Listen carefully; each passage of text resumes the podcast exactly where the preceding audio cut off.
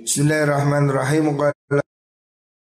Wasallam Laisa minni dhu hasadin. Laisa ora iku minni saking golongan ingsun.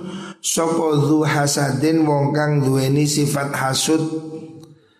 Orang yang punya sifat dengki ya. Dengki semua orang sudah tahu kan? Dengki hasud Terus wala namimatin dan orang wong kang duweni sifat adu-adu. Itu golongan kanjeng Nabi. Wala kahanatin dan ora tukang dukun nanu. Kahana itu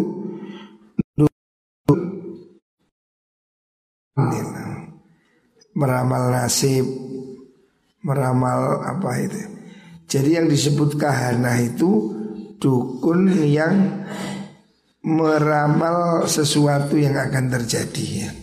Peramal. Ini disebut dengan peramal itu bukan golongannya kanjeng wala analan orang naute saking golongane niku wau ilah artinya Rasulullah Shallallahu Alaihi Wasallam melarang keras praktek-praktek itu hasut adu domba ya dan ngeramal.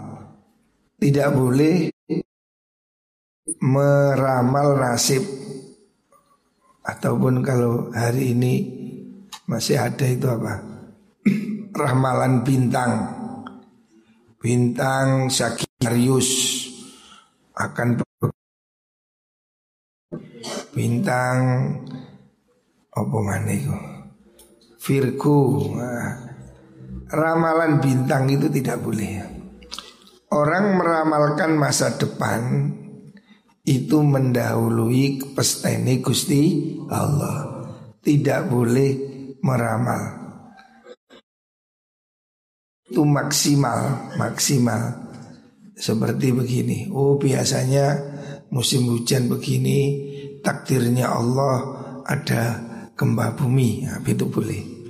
Tapi kalau ini karena hujan bulan November maka akan menimbulkan ini dan begini dan begitu tidak boleh. Sebab segala sesuatu itu terjadi karena kehendak Gusti Allah. Hanya Allah yang bisa menentukan. Bulan dan bintang itu makhluknya Gusti Allah. Rawahu Tabrani. Laisa minni bundio laisa yatahassaru. Laisa ora ono iku yatahassaru rugi tidak akan merugi Sopo ahlul jannati ik so ahli swarga ala syai'in ing atase suci-wici. Orang yang di surga itu tidak menyesal ya tahasar itu. Merasa rugi, ketun illa ala saatin angin ing atase sak mongso marot kang liwat opo saah bihim kelan mengkuno ahlul jannah lam yadhkuru kang ora padha zikir sapa ahlul jannah Allah ing Allah azza wa jalla fiha ing dalam mengkuno saah. Jadi kelak orang-orang mukmin kalau sudah masuk surga itu bahagia. Mereka hanya menyesal satu hal. Satu hal yang disesali itu adalah Mengapa mereka mengosongkan waktu tidak berzikir pada Gusti Allah. Artinya setiap detik ini berharga. Jadi kalau ada waktu di mana dia tidak zikir itu getun Menyesal. Artinya melihat besarnya pahalanya zikir orang-orang yang kurang zikir pada satu masa itu akan disesali. Seandainya dia itu sadar, pasti semua waktunya digunakan untuk zikir pada Gusti Allah. Jadi ini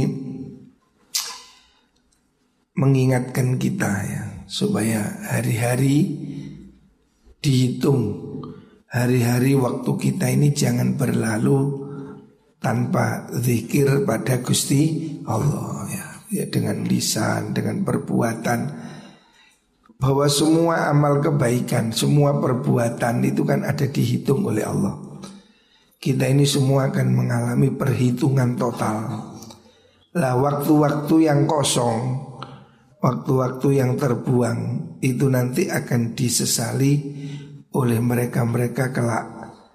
Padahal dia sudah masuk surga ya. Masuk surga pun masih menyesali waktu yang terbuang-buang. Makanya hari ini ya Kemarin sudah kita ngaji kitab apa Bidayah Imam Ghazali mengingatkan supaya kita bikin jadwal.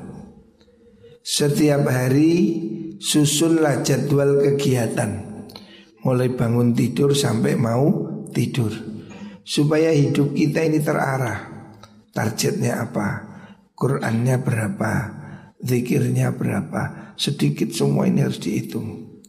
Kalau tidak Maka hidup ini berlalu seperti mimpi Stulen turu mangap turu Kan artinya Apalagi kalau kamu malam hari itu seluruh hidupmu tidak berguna. Malam hari ngobrol, ngopi. Apa sih manfaatnya? Gak ada. Terus besoknya tidur, gak ngaji, gak sekolah. Sia-sia ya.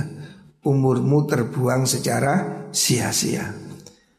Gunakan jadwal setiap hari. Aturlah jadwal waktumu ya. Ngajimu kapan, zikirmu kapan, Jangan semua waktu habis untuk guyon. Guyon sekali waktu bolehlah. Tapi jangan habiskan waktu hanya untuk guyon. Jangan habiskan waktu hanya untuk bertengkar. Jangan habiskan waktu hanya untuk main. Kita waktu untuk berzikir pada Gusti Allah.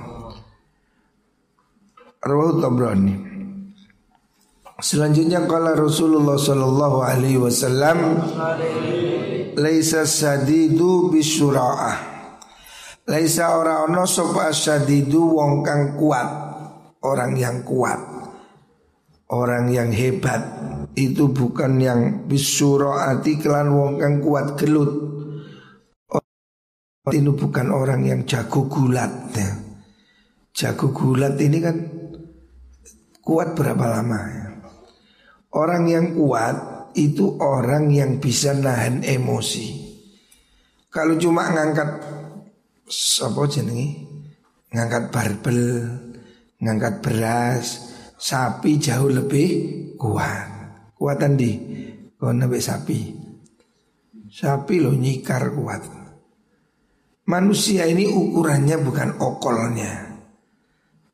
Hewan jauh lebih kuat dari kita. Manusia yang kuat itu tidak diukur dengan kerasnya pukulannya. Tidak. Orang kuat itu inna masyadidu angin pestine utawi wong kang kuat. Yang disebut orang yang kuat ya. Yaitu alladzi wong yamliku kang nguasani sapa wong nafsahu ing awak dhewe wong indal ghadabi nalikani muring-muring Orang kuat itu orang yang mampu menahan emosi sehingga ngamuan. Jadilah orang yang tidak ngamuan. Kalaupun mau marah ya diredam. Allah mengatakan wal kadhiminal ghaidha wal afina anin nas. Jadi meredam emosi ini perlu kekuatan. Tidak semua orang bisa menahan emosi. Makanya Nabi Muhammad SAW mengingatkan bahwa orang kuat itu bukan orang yang kuat gulat. Orang kuat itu bukan orang yang manol. Kalau manol itu sapi lebih kuat.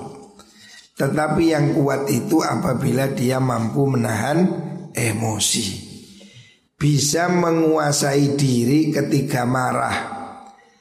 Jangan mengambil keputusan ketika kamu sedang emosi. Jangan ngambil keputusan ketika kamu sedang marah. Nanti kamu akan nyesal ya. Kamu akan mengambil tindakan bodoh yang kamu akan menyesal. Karena emosi itu kan nggak jangkep ya. Orang emosi itu kan tidak stabil. Jadi jangan memutuskan sesuatu apalagi yang penting ya. Terutama dalam rumah tangga. Jangan melakukan dalam emosi. Banyak rumah tangga menjadi rusak ya karena emosi itu. Cemburu, cemburu, marah, terus pisah. Ya. Itu akan sia-sia ya. Emosi itu banyak menimbulkan kerugian. Makanya Rasulullah Shallallahu Alaihi Wasallam menyuruh kita menahan emosi, menyimpan kemarahan. Ya. Lebih baik dimaafkan, tidak perlu bertengkar. Layaghsiyanna ummati min ba'di fitanun. Rasul bersabda layaghsiyanna bakal ngenani. Cara makna arti niku nungkepi Nungkepi artinya menguasai. Umati ing umat ingsun mimba'di saking sause ingsun Opo fitanun piro-piro fitnah? Akan terjadi berbagai macam cobaan fitnah. Kakito illaili koyo piro-piro tugelani wengi. Al-mudlimi kang petang Al-mudlimi Ada yang kurang itu. Al-mudlimi Jadi fitnah ini akan datang seperti malam yang gelap gulita. Artinya orang sulit membedakan Baik dan buruk menjadi sulit dikenali Kalau gelap kita ini bisa melihat karena ada cahaya Kalau tidak ada cahaya Walaupun punya mata Ini lampu dimatikan Kamu punya mata Bisa lihat apa enggak? Nggak bisa kalau gelap nggak terlihat. La fitnah itu datang seperti gelap gitu. Artinya banyak orang yang kemudian menjadi gelap.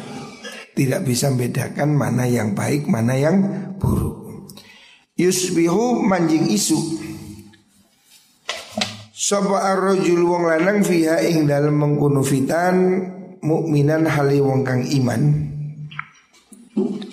Wa yumsilan mangjing suri sopoman kafiron hale wong kang kafir. Orang bisa berubah-ubah pagi mukmin sore kafir.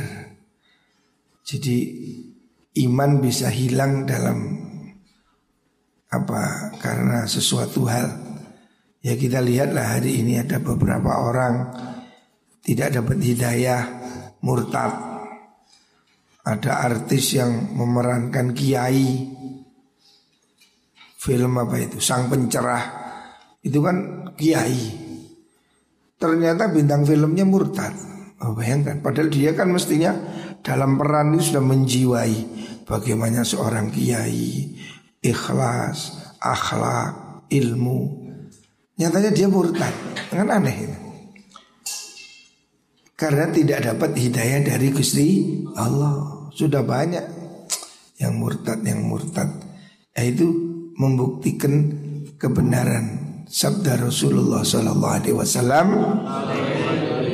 akan terjadi fitnah, ya, cobaan fitnah yang gelap seperti malam. Orang pagi mukmin, sore jadi kafir atau sore mukmin besoknya sudah berubah menjadi kafir. Banyak orang yang mudah terombang-ambing akidahnya. Ini hari ini ya banyak, contohnya sangat banyak artis-artis atau bukan artis. Bahkan ada yang ngaku ustadz dari mana itu NTB ngaku ustadz sarjana lulusan Universitas Muhammadiyah sekarang jadi pendeta. Yo iso assalamualaikum baca Quran bisa. Tapi tidak dapat hidayah Gusti Allah. Dan dulu sudah ada nama Vanderplas namanya Senok Hogrunye ya. orang Belanda yang Quran tapi tidak beriman. Bahkan ada orang Belanda itu yang mengarang kitab Kitab katalog hadis Namanya kitab Miftahu Kunuzis Sunnah. Kunci Gedung Sunnah. Artinya dia itu meneliti hampir semua hadis. Terus dibikinkan indeks. Sebelum ada Al-Quran Ini sudah ada indeksnya hadis. Umpamanya hadis yang populer An-nikahu sunnati. Riwayatnya siapa? Cari huruf nun Ada An-nikahu sunnati Kitab ini halaman sekian Kitab ini halaman sekian. Kitab indeks hadis yang besar Yang pada masa itu Sudah lama itu Sebelum ada komputer Itu dikarang oleh orang Belanda Non muslim Bayangkan orang non muslim bisa membuat indeks hadis. Orang muslim saja yang belum bisa baca hadis ya awakmu barang pun mocoy angel ini sudah ada yang bikin indeks jadi dia itu sudah membaca semua kitab sehingga dia bisa membuat indeksnya hadis ini inamal a'malu bin niat ini di kitab ini halaman sekian, kitab ini halaman sekian. Hebat sekali. Tapi tidak beriman. Ya ini contoh. Hidayahnya tidak ada. Saya waktu pergi ke Inggris. 2003 saya pergi ke Inggris.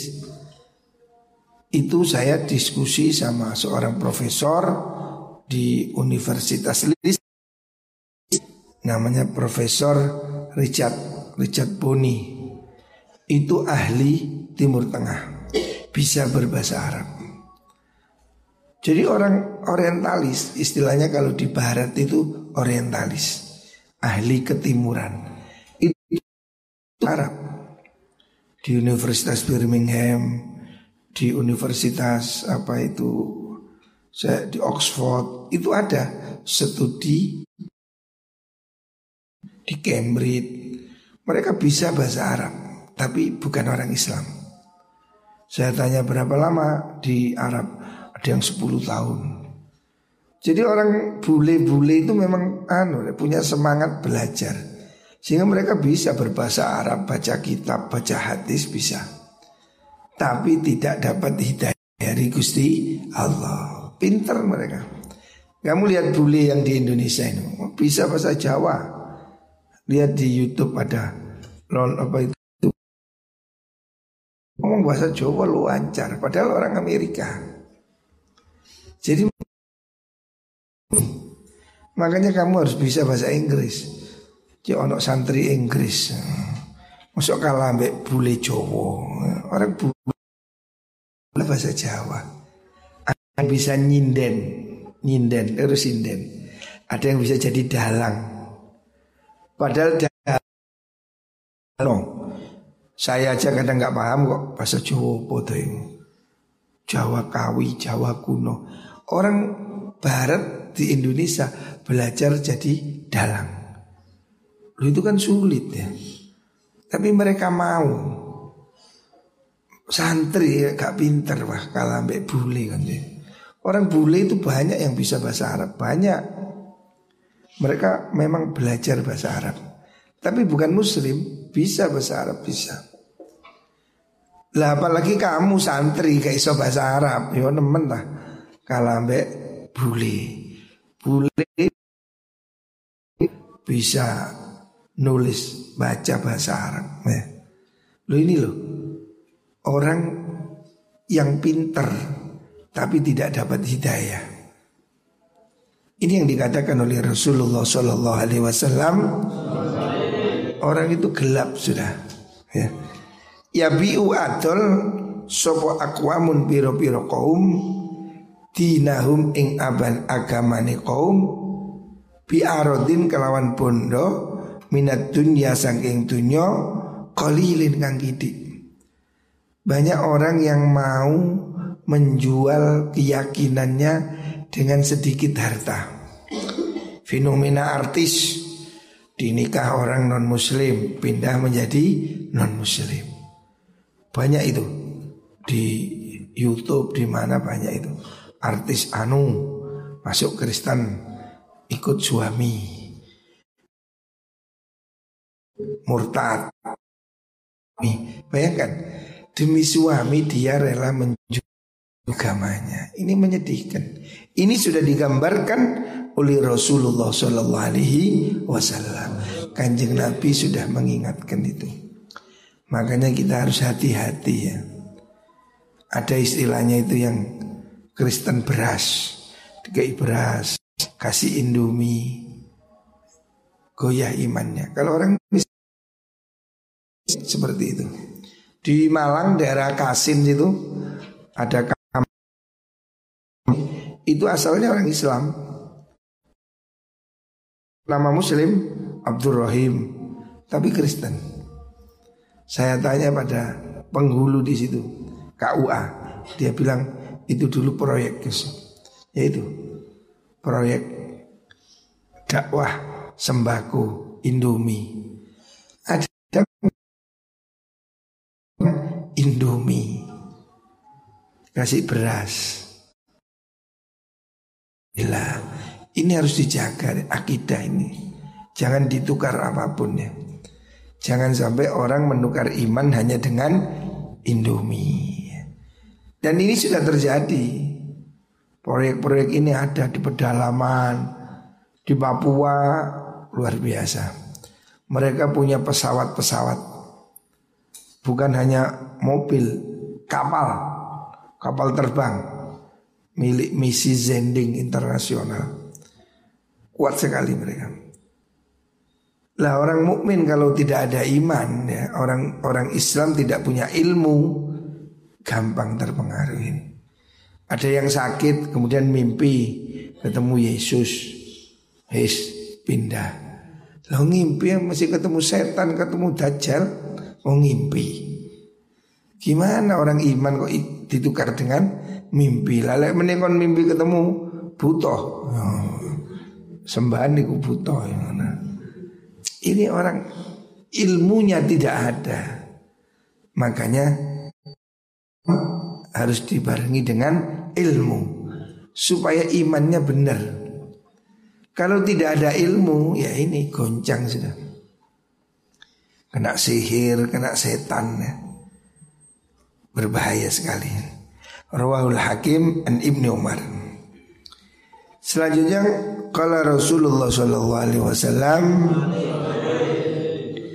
Alladhi utawi wong Tuf napa Tuf itu kang pot Pot maksudnya ketinggalan Hu ingman opo sholatul asri sholat asar? Orang yang kerepotan atau merepotkan diri sampai lupa tidak sholat asar. Iku ka'an nama wutiro ahlahu wa malahu. Ka'an nama wutiro koyok koyok dan Ije akan sopo wong Ahlahu ing keluargani wong Wa malahu lan bondoni wong Jadi dia yang tidak sholat asar Itu kehilangan segala-galanya. Seakan-akan dia kehilangan harta dan anak-anaknya. Rugi artinya rugi sekali. Janganlah kesibukan membuat kamu tidak sholat. Nah, Toh Islam ini sudah memberi kamu kesempatan. Kalau memang sibuk Kamu bisa sholat dengan cara di jamak Kamu bisa jamak Kamu bisa kosor. Sesulit apa pun Usahakan jangan sampai meninggalkan sholat. Ruwahu Selanjutnya Rasulullah Shallallahu bersabda, "Alladhi yahnuku nafsahu yahnukuha finnar." Ini tentang larangan bunuh diri ya. Hidup sesulit apa pun jangan sampai bunuh diri. Alhamdulillah. Kata Rasulullah sallallahu alaihi wasallam Alladzi utai yahnuku kang jiret sapa wong. Jiret ngerti jiretan. Menjerat kendat bahasa Jawa ini kendat. Bahasa Indonesia ini apa? Gantung diri. Orang yang mati gantung diri nafsahu ing awak dhewe man iku yahnuku jirat sapa wong hu ing nafsahu finari dalam neraka. Orang yang bunuh diri dengan cara menjerat lehernya akan dijerat lehernya besok di neraka. Waladhi yat anuha yat anuha finar Waladhi utai wong yat anu kang nyudu Orang Jepang kan kalau mati Tusuk hara kiri. Nyutuk sopo alladhi ha ing mengkuno nafsahu Iku yat anu nyutuk ha ing mengkuno nafsahu Finari ing dalam neraka Orang yang menyuduk dirinya Menyuduk ya Allah Bunuh diri dengan cara nusuk dirinya itu akan menusuk dirinya besok di neraka. Jadi itu dosa besar. Walaupun ya dia tetap dihukumi muslim. Artinya kalau ada orang bunuh diri ya tetap disolati ya. Karena dia hukumnya masih tetap muslim. Walaupun dia telah melakukan dosa besar ya. Jadi orang bunuh diri itu dosa besar. Tetapi dia tetap dihukumi muslim ya. Lah, contoh bunuh diri itu kan termasuk gelap. Apakah kalau bunuh diri urusan selesai? Ya tidak, itu ke neraka Itu karena kurang iman Mengira kalau mati bunuh diri urusannya selesai Padahal urusannya lebih berat lagi di neraka, di alam kubur ya. Nah ini karena kurang iman. Hidup sesulit apa pun jangan sampai bunuh diri. Itu bukan solusi. Lah bunuh diri, frustasi itu kan karena hati yang gelap. Karena pikiran yang gelap. Lah ini perlu cahaya. Iman akan menjadi penerang. Ya, ya. Kalau orang itu dapat hidayah, hidup sesulit apa pun, tidak akan sampai bunuh diri. Hidup sesedih apa pun, tidak akan gantung diri ya. Serahkan semuanya pada Gusti Allah. Makanya doa yang kita ijazahkan, doa ilmu laduni, doa yang puasa 40 hari itu loh. Doa lil hifdi wal fahmi itu supaya terus dibaca. Karena di situ intinya minta diberi terang pikir. Allahumma akrimna minka binuril fahmi. Supaya hati ini bercahaya. Sehingga tidak susah ada masalah apa pun lihat jalan. Cahaya paham hidup susah pun tahu cara solusinya tidak stres ya. Allahumma akrimna minka binuril fahm wa ahrijna min dhulumatil wahmi. Ya Allah jauhkan dari kegelapan waham. Waham ini pikiran sesat itu waham. Moro-moro kepingin bunuh diri. Ini waham. Kepingin mencolot toko dukur genteng merasa awak Superman ya meletet. Waham itu. Pikiran aneh-aneh. Termasuk pikiran pengen luyur Pengen drink. Ngombe teh tok Kepingin ya Yang krenyes-krenyes sih kalau hmm. Ngombe Topi miring. Ya senting Topi miring. Nah itu pikiran sesat itu.